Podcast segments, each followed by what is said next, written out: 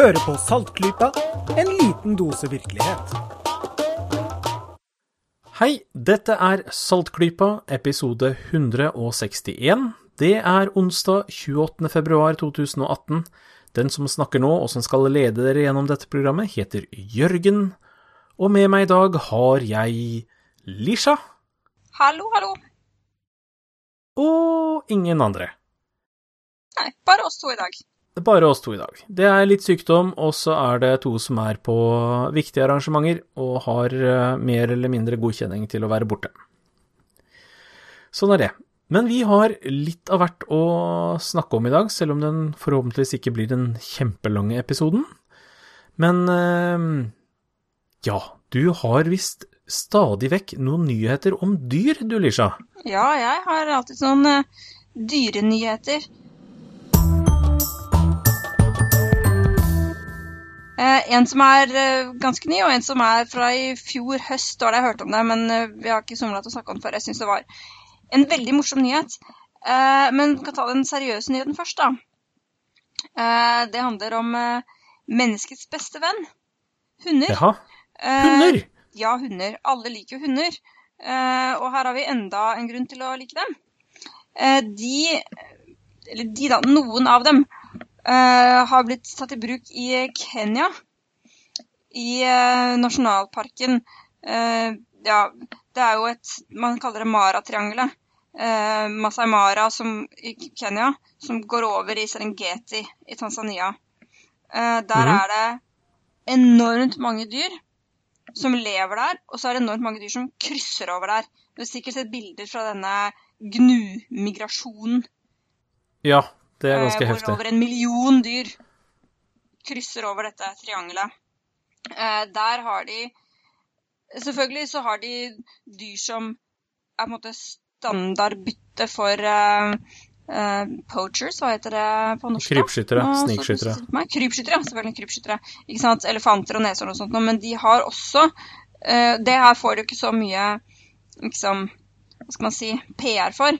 For det er de store dyrene som liksom alle vil høre om. Men disse liksom vanlige dyrene, impalaer og bøfler og gnuer og alt slikt, de blir også jaktet på. Eh, ikke så mye fordi man skal ha uh, f.eks. støttenner og andre ting, neshorn, men kjøttet, rett og slett. Mhm. Eh, og fordi man setter ut mye snarer av dette her. Der, og der blir jo de The Big Five og andre og større dyr, da, som de kanskje ikke nødvendigvis er ute etter, eh, de blir også fanget der. Jeg vet ikke om noen har sett en elefant med en sånn snare rundt foten som den har gått med og gått med og eter seg innover kjøttet. Altså, det er helt forferdelig. Uh, altså, det kan gjøre enormt mye skade selv, om, selv på dyr som det ikke er tilsiktet. da. Uh, men det er, dette bushmeat er faktisk et veldig stort problem. Og nå har man tatt i bruk uh, blodhunder for å ta og prøve å gjøre det de kan mot dette her. Og det er det morsomme. Det funker kjempebra. Hva er det de Eh, gjør da? De finner mennesker. De finner andre ting. da. Noen av dem er spesiallagt for å finne mennesker, eller trent for å finne mennesker. Andre finner våpen, f.eks. Finner ja. elfenben som er gjemt. For de stæsjer jo våpen, f.eks. De går ikke rundt med det. Eh, og det finner ikke menneskene, men hundene kan finne det. Eh, og Hm. de eh, kan også finne selvfølgelig Altså, ranger da, de kan jo kanskje se at noen har gått forbi. Men så var det åtte timer siden, og i mellomtiden så har 100 dyr gått forbi, og du ser bare at akkurat her var det en person, men hvor ble den av, det vet du ikke, men det kan hunden lukte seg frem til. De bruker blodhunder. Aha. Det er uh, verdens beste nese, og det er den eh, rasen som eh, disse Mara-rangerne eh, de, Det begynte litt dårlig, fordi de fikk hunder fra USA. Mhm. Og de fikk jo helt spader når de kom til Afrika, og det var 1000 Uh, nye lukter, og alt var fremmed, så det funka ikke så bra. Men nå har de en ny de, de, Noen klarte det, men eh, det, det var ikke så vellykket. Men nå har de hunder som er født i Afrika, eh, som ikke syns det er er så rart, da, med Mm. elefantlukt og tjohei. Uh, uh, og de Dette er jo i Kenya da, som har dette prosjektet, men uh, myndighetene i Tanzania og i Kenya har gått inn en avtale sånn at de får lov til å krysse grensen også. Mhm. uh, og gå langt, langt inn i Serengeti. Bare de overlater krypskytterne til myndighetene i Tanzania, da. Um, og vi skal legge ut link til en artikkel her. Her eh, er det en del info bl.a. om antallet snarer som disse eh, kan finne. Mhm. Og det kan være over 500 på en eneste dag. Shit. Så det er helt enormt mye. Eh, og dette begynte de vel med i 2014, for da hadde myndighetene satt ned en arbeidsgruppe som kom frem til at dette med bushmeat, det gjorde de ingenting med, men det var helt enormt mye problemer med det, egentlig, bare at de ikke gjorde noe med det. Men nå har de de siste årene prøvd å gjøre noe med det. Uh, og disse hundene, de hjelper til. Uh, og det Jeg syns det er fantastisk. Hunder kan altså så utrolig mye. Uh, nå også redde gnuer. Ja, det er helt fantastisk. Ja, er, altså, jeg blir litt er forferdet. Jeg visste ikke om denne snarejakta, fordi eh, her i vår del av verden så er snarejakt forbudt, nettopp fordi at du har ikke kontroll med hvilke dyr som går i de fellene, og som kanskje river løs snara, men eh, fortsatt har den eh, sittende rundt en kroppsdel, og som du forteller om at det gnager seg inn, osv. Så, videre. så det er vanvittig dyreplageri knytta til det, den typen jakt. Ja, enormt. Eh, og den, det er jo ikke f.eks. elefanter da, kan få foten i det. De kan jo selvfølgelig aldri drepe seg med en sånn snare, men jeg har sett opptak av uh, f.eks. sånne wildlife vests som kommer ut i f.eks. Serengeti, da, og lokalbefolkningen kommer og sier at vi har sett en elefant, Mm. den har gått i en snare. Og de finner den, får dopet den ned og får fjerne snaret, men det er helt forferdelige, de skadene som de gjør, også på dyr da, som ikke er det tilsiktede byttet i det hele tatt. Mm. Uh, men disse folka de bryr seg jo ikke om dyr pines i hjel, eller hva som skjer. Um, men det er også det er, det er et stort marked for sånn bushmeat, og det er ganske mye penger i det. Um, det her ser jeg det er et, en tilfelle nevnt hvor eh, en bil hadde De holdt på å frakte seks tonn bushmeat, og det anslås å ha vært 11 000 dollar. Og det er klart, det er mye penger. Ja. I, eh, det hadde vært mye penger her òg, Ja, ja visst. og da i Kenya, da. Men dette er jo, man risikerer jo faktisk å, at arter blir utryddet. Eh, da forsvinner turismenæringen. Eh, og da får du virkelig problemer. Ja. Så det der er noe å tenke på. Jeg syns det er så hyggelig å høre om sånne nytenkning, da. For å prøve å løse sånne problemer. Ja, nei, det er jo bare å heie fram for alle sånne nye forsøk. Du har jo dratt fram opptil flere sånne eksempler tidligere også, så vi håper bare at mengden av det gjør en forskjell, og at vi Ja. eh, med tid og stunder blir kvitt den fattigdommen som er mye av årsaken til disse problemene, og at dyrevelferd kommer nok opp på agendaen, sånn at vi folk i andre deler av verden Vi er ikke verdensmestere, vi heller, her hos oss, men eh, eh, det er et behov en del steder i verden i å innse at eh, mennesker har eh, følelser og kan lide, og at det må vi ta hensyn til. Du mener at dyr har følelser og kan lide? Var det ikke det jeg sa? Du sa at mennesker har det, og det tror jeg ikke er kontroversielt. Nei, ok. Eh, det var dyr jeg mente. Ja, nei, absolutt. Andre dyr enn mennesker, vil jeg vel kanskje si. Ja. Eh, altså, jeg vil trekke frem her, som jeg sikkert har nevnt før, eh, Botswana. Som et eksempel her. I Botswana så er all jakt totalt forbudt. Fordi de har kommet frem til at de skal leve av turisme i fremtiden. Da må de ha et stort, fint dyreliv. Ja. Uh, og det tjener de penger på. De Hmm. tjener penger på å ikke drepe dyrene. Og det er det jo mange også i både Kenya og Tanzania som forstår. Um, og de allierer seg jo ofte med lokalbefolkningen uh, for å få dem til å melde hvis de mistenker uh, krypskytteri, hvis det er noen spesifikke personer de har mistanke til. Og det er jo også en bidragende årsak. Så det, det finnes ikke én løsning på dette problemet. Det er mange uh, små ting som må gjøres, som til sammen uh, kan få slutt på dette her. Helt klart. Nei, men det var uh, artige og oppløftende nyheter. Det var det. Så har jeg en historie til, og den er kanskje ikke så sjarmerende. Men jeg syns den likevel er veldig morsom.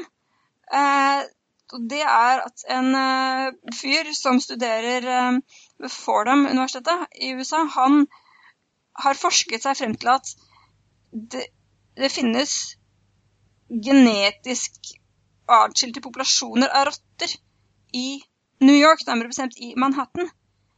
Jaha. Om de er Altså, du kan se på, hvis du får se DNA Eller ikke du, da, ikke jeg, men disse folkene som forstår deg på det. Du kan se, hvis du får bare DNA-et til en rotte fra Manhattan, kan du se om den er fra uptown eller downtown. Jaha. Eh, og det er fordi eh, i midtown så fins det Fordi der bor det veldig lite folk, ikke sant? Mhm. Eh, og derfor så er det ikke så mye mat, da. For det er ikke Det er liksom ikke noe sånn husholdningssøppel. Og så er det heller ikke så mye sånne bakgårder, ikke sant, med jord og sånn hvor man kan skjule seg. Mhm. Og de lever jo på veldig små områder. De, de Mhm. har liksom noen få kvartaler som er områder der de kan eh, holde seg. Eh, og derfor så, hvis du er fra uptown, så treffer du aldri noen fra downtown, og motsatt. Hmm. Eh, og videre så er det Altså, hvis, igjen, hvis, hvis du ga disse folka en rotte, så kunne de si deg kom du fra West, West Village eller East Village, eksempel. og disse rottenabolagene, da, de matcher stort sett menneskenabolagene. Eh, og dette her, det er europeiske rotter. De kommer hovedsakelig fra Storbritannia og Frankrike. Så de kom sånn, det er, disse, men altså forfedrene til disse. De kom uh, på båter på 1800-tallet og har egentlig ikke forandret seg noe særlig. Hmm. Uh, noe de ble litt overrasket over da når de forsket på dette her. Uh, fordi det har jo kommet så utrolig mange skip til New York Hmm. fra overalt. At man skulle tro det hadde kommet mange som liksom svopet seg inn her da, og blandet opp genene, men det har de ikke gjort i noe særlig grad. Uh, og ja, man kan altså se på en rotte hvor på Manhattan den uh, hva kan man si, hører til. Uh, og det syns jeg er ganske utrolig.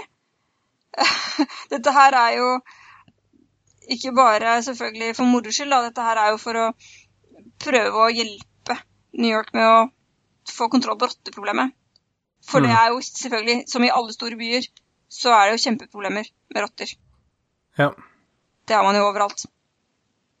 Men det er eh, Han sier her, han som hadde ansvar for dette prosjektet, at han nå han respekterer fienden etter å ha holdt på med dette her i tre år.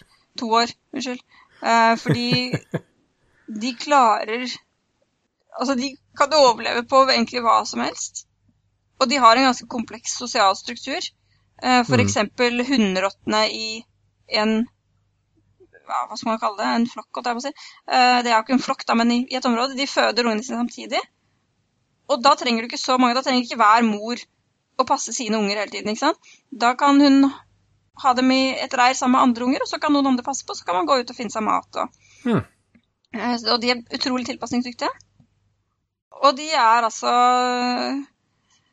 så, såpass spesialiserte der at uh, man har sine egne nabolagsrotter som genetisk er distinkte populasjoner. Men uh, er det snakk om at det er ulike avarter som bare har spredd seg til ulike steder, eller er det en, en genetisk uh, start på artsdannelse som vi ser her? Altså Opprinnelig så var det jo selvfølgelig de samme, og de har fortsatt samme art. Men det er jo sånn det begynner, da. Eh, At du har én art som sprer seg over et område, og så kommer det en eller annen geografisk barriere, i dette tilfellet Midtown, eh, som selvfølgelig ikke er rottefri, da. Det er jo selvfølgelig rotter der òg. Men ikke på langt nær like mange, igjen fordi det mangler eh, gode skjulesteder, og det er ikke så mye mat å finne der. Hmm. Eh, så før eller senere, hvis dette pågår lenge nok, så vil det jo bli to forskjellige arter. Ja. Det er jo akkurat sånn det begynner, at man får en geografisk barriere. Men det er veldig pussig at det liksom er handelsdistriktet i en eh, by, et bykjerne, som er den geografiske barrieren. Vanligvis pleier det å være liksom en elv eller en dal eller noe sånt noe. Eh, Kult. men det kan også være mye forskjellig. Artig. Ja, det syns jeg det er morsomt. Men da er det på tide å slutte å snakke om snodige dyr, og begynne å snakke om snodige mennesker. Det er heller ikke noe mangel på dem.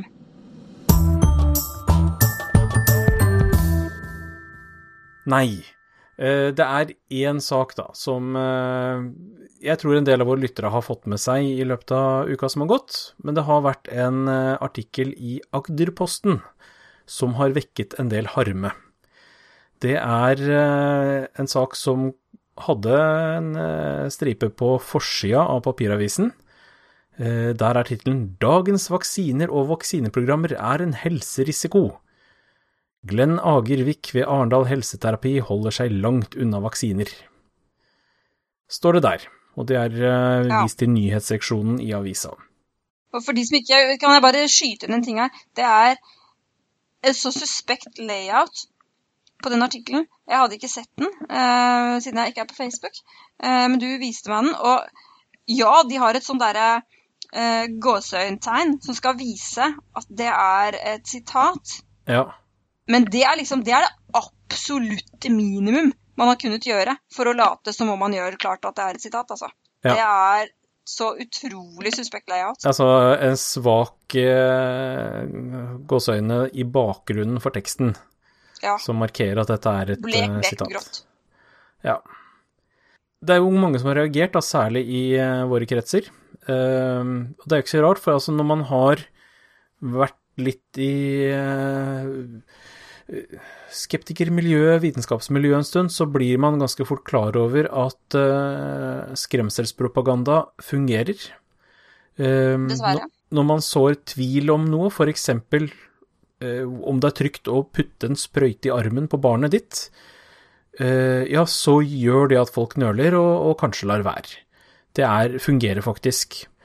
Ehm, jeg har ikke lest den artikkelen selv, jeg heller, annet enn å se overskriften, fordi den er da bak betalingsmur. Men det jeg har blitt fortalt, er at eh, i papiravisa så er det altså en artikkel som primært da er viet denne fyren som er en eh, alternativ eh, behandler. Ehm, og så har Preben Aavitsland, som er en kjent og kjær fyr, kommet inn og med litt dementi på slutten i papirutgaven. I nettutgaven så var ikke den siste delen med Aavitsland med i det hele tatt. Så der var artikkelen kun med denne alternative behandleren og skremselspropagandaen hans. Og, men så kom det masse klager. Det Det var det enda godt. ja, jeg har vært inne og kikka litt på um, den postinga, den på um, Facebook-sida til Agderposten, og det er jo i all hovedsak eh, sterk, sterk kritikk av avisa der. Og det er eh, for så vidt veldig bra. Men eh, etter kort tid så kom da også det med Aavitsland med i eh, den digitale utgaven. Som dette her er litt sånn suspekt. Hvorfor i all verden slapp det der til i avisa i det hele tatt? Eh, Og hvorfor tok de Altså, når det gjelder forskjellen mellom papiravis og nettavis, så vil jeg si at i nettutgaven så er det naturlig at det er med mer, Ja. og ikke mindre. fordi der har de jo mer plass. Der trenger du ikke tenke på plass i det hele tatt. Ja. Det er jo veldig merkelig. Hvis vi skal være litt konspiratoriske, så er det noen som har trukket fram eh, det at uh, dette genererer klikk. Ja, ikke sant? Det, det faktum at dette her skaper litt furore, og, gir masse, masse tilbakemeldinger eh, fra folk, negative riktignok, men det medfører også masse, masse klikk på den artikkelen. Og dermed Ja, all, god, all PR er god PR. Ja.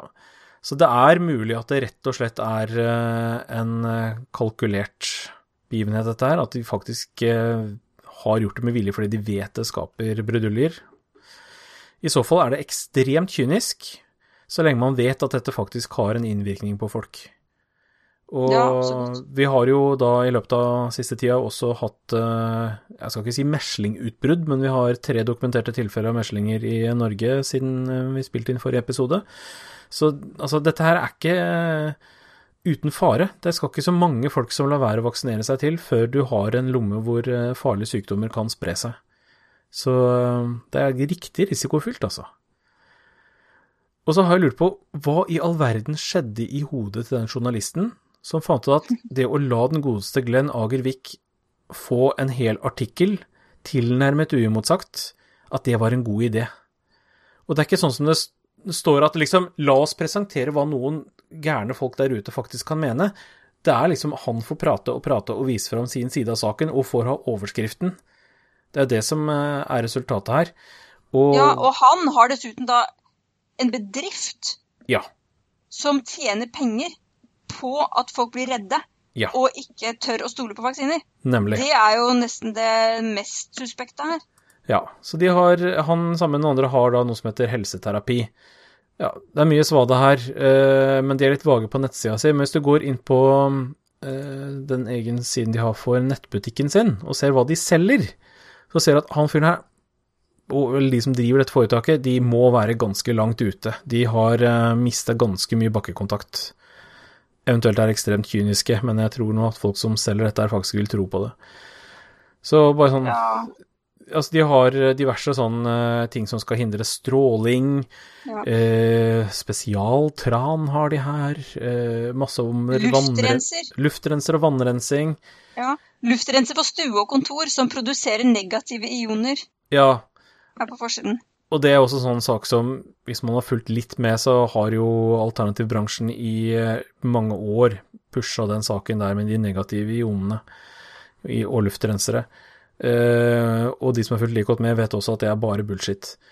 Uh, noe de selger her da, i nettbutikken sin, det er pyramider. Ja, det nevnte du. Ja. Uh, Hvor finner jeg de igjen, da? Det er jo en Det ligger under Skal vi se Jeg søkte pyramide, her kommer det frem. Oi, det er i håndlaget òg. Ja, det er håndlaget i tre.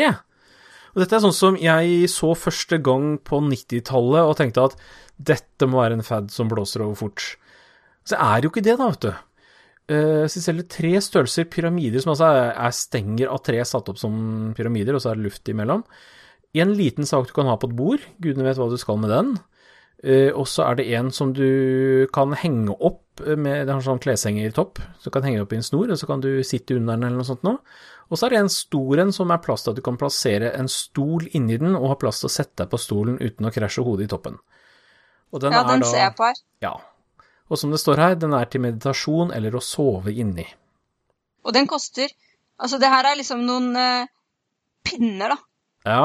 Som bare er festet sammen. Det her kunne man jo slengt sammen selv på 20 minutter. Den koster 3000 kroner. Yes. Fantastisk. Og det er, eh, hvis du ikke kjenner teorien bak pyramidene, så er dette altså ordentlig sånn svada om at pyramidene i Egypt har magiske egenskaper, og dem kan vi også utnytte, så lag en pyramide og sett deg inn i den, så får du kosmiske krefter og bla, bla, bla, bla, bla. Det er ordentlig langt ute. søvnkvalitet. Ja. Så det er altså en fyr som pusher dette her, eh, og er mot vaksiner, som også Agderposten har kjørt inn på forside og en stor artikkel eh, som har eh, ja, nå har de jo både i Nettavisen og papiravisen fått inn noen som sier han imot, da, men likevel så er det ganske drøyt. Altså, men jeg synes med den overskriften som de har, uh, for de som da leser den papiravisen, så det er nesten ikke mulig å motvirke den overskriften ved å ha en person som liksom er uh, fra den andre siden, da. Nei. Altså, Med mindre man er den sorten som leser papiraviser fra tvers gjennom hele avisa, så vil jo de fleste bare skumme eh, mesteparten av overskriften i en avis, og så bare lese det de er spesielt interessert i. Og da kommer du ikke lenger enn til eh, vaksineskremselen. Nei, og mange vil jo bare se den stå på en sånn uh, nyhetsrack uh, i butikken, og bare se den overskriften. Og har man f.eks. små barn hjemme, da, så blir man jo redd, for det er det verste man kan komme på, er at noe skulle skje med barna. Ja. Uh, nei, så jeg syns den her faktisk er ganske stygg, og det har vært snakka om å melde den inn til PFU for uh, brudd på Vær varsom-plakaten. Det, det, er jeg litt spent på. Jeg håper det blir gjort, og jeg håper for så vidt at den felles også, for jeg syns det er stygt. Men samtidig så er Vær varsom-plakaten ikke laget for dette, for å, å si at å, du har skrevet noe som ikke er vitenskapelig korrekt. Det er veldig sjelden at uh, noen blir felt for det, for det er ikke det egentlig som er hovedsakelig det som ligger i Vær varsom-plakaten. Så uh, det er jeg litt spent på, om, om det vil nå fram. Men jeg syns den er drøy, så jeg skjønner veldig, veldig godt at den her har fått mye motbør. Ja, virkelig. Men en ting man kanskje kunne prøve med Vær varsom-plakaten, for den En ting som i hvert fall står der, og som er et viktig poeng, er at folk skal beskyttes mot seg selv. Ja. Eh, hvis de ikke forstår at de kan komme til å gjøre skade på sitt omdømme eh, ved å bli presentert i mediene, eh, så skal ikke medier presentere dem. Og det er jo noe som denne personen kanskje kunne falle inn under. Jo, men Ja, men jeg tror ikke det. Han ser det sikkert ikke sånn selv.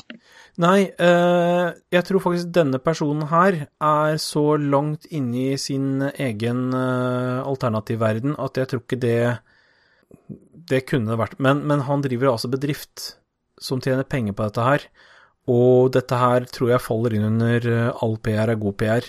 Ja, mest sannsynlig. Så ja, du kunne si at man, man burde verna mot seg selv, men eh, i praksis så har man eh, i stedet eh, gitt ham masse gratis reklame for å tjene penger på kvakksalveri.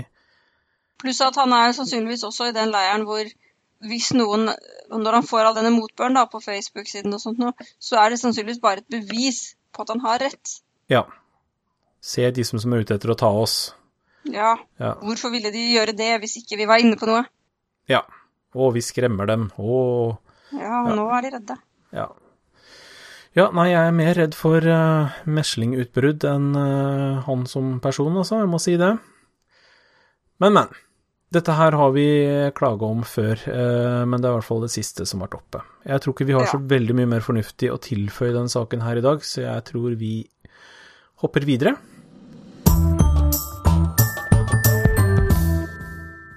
Og det vi egentlig har igjen i dag, det er eh, litt anbefalinger. Ja, og nå skal vel du anbefale nesten deg selv litt igjen, etter hva jeg forstår?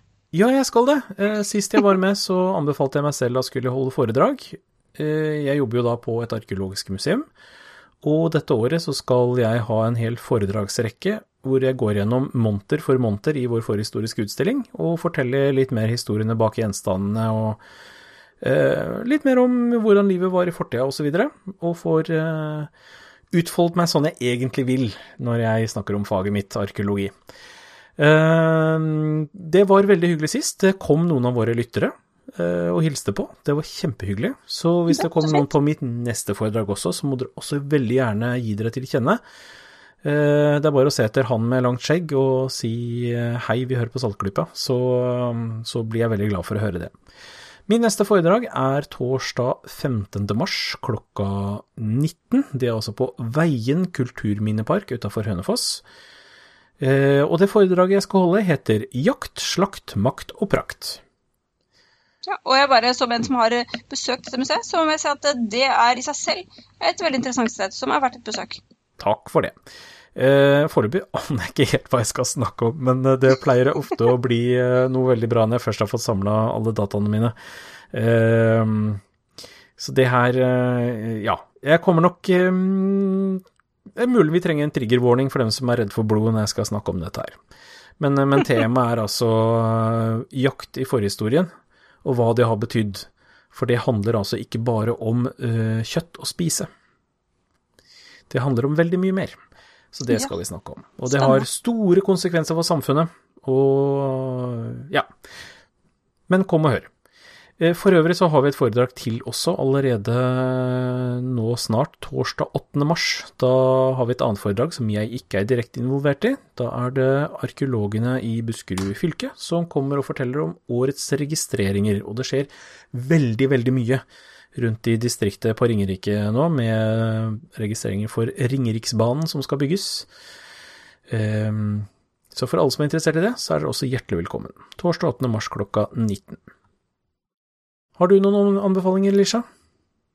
Nei, egentlig ikke. Som sagt eh, så anbefaler jeg jo Veien kulturminnepark. Jeg syns det var et uh, veldig fint sted. Men jeg vet kanskje ikke om dette er årstiden, da, for dere har jo også fine ting ute. Med disse gravhaugeområdene og sånn. Så kanskje til sommeren. Nei, men altså stadig vekk. Eh, ja, du syns det. ja, nei, men altså vi har, eh, vi har turstier som eh, gås opp og sånn, så man kan oppleve hvor utrolig store og fine vårt gravfelt med masse gravhauger. Det kan man oppleve også på vinterstid. Jeg er veldig glad i å gå der alle tider på året. Det regner jeg med. Suge inn stemninga. Men, men, vi skal ikke snakke for mye om det. Jeg tror det er på tide at vi uh, tar kvelden, og så ble det litt kort episode i dag, men det er jo helt greit innimellom. Ja, Sånn er det når det bare blir oss to, men som sagt, de andre hadde gyldig forfall, så vi fikk Mer eller mindre. Jeg er ikke sikker på om alt var like gyldig, men uh, det er nå det. Nei. Det får diskuteres på bakrommet. Yes, jeg tror vi avslutter der, og så snakkes vi om et par uker. Takk for nå, alle sammen. Ha det så bra. Saltklypa lages av Kristin Lisha, Jørgen og Bendik. Har du spørsmål, anbefalinger, ris eller ros, send det til post at saltklypa.no, eller finn oss på Facebook. Lenker til alt vi har snakket om i episoden finner du på saltklypa.no, hvor du også kan abonnere på podkasten for å få hver episode levert på døra helt gratis. Takk til Smart 9000 fra Evig poesi som har laget kjenningsmelodien.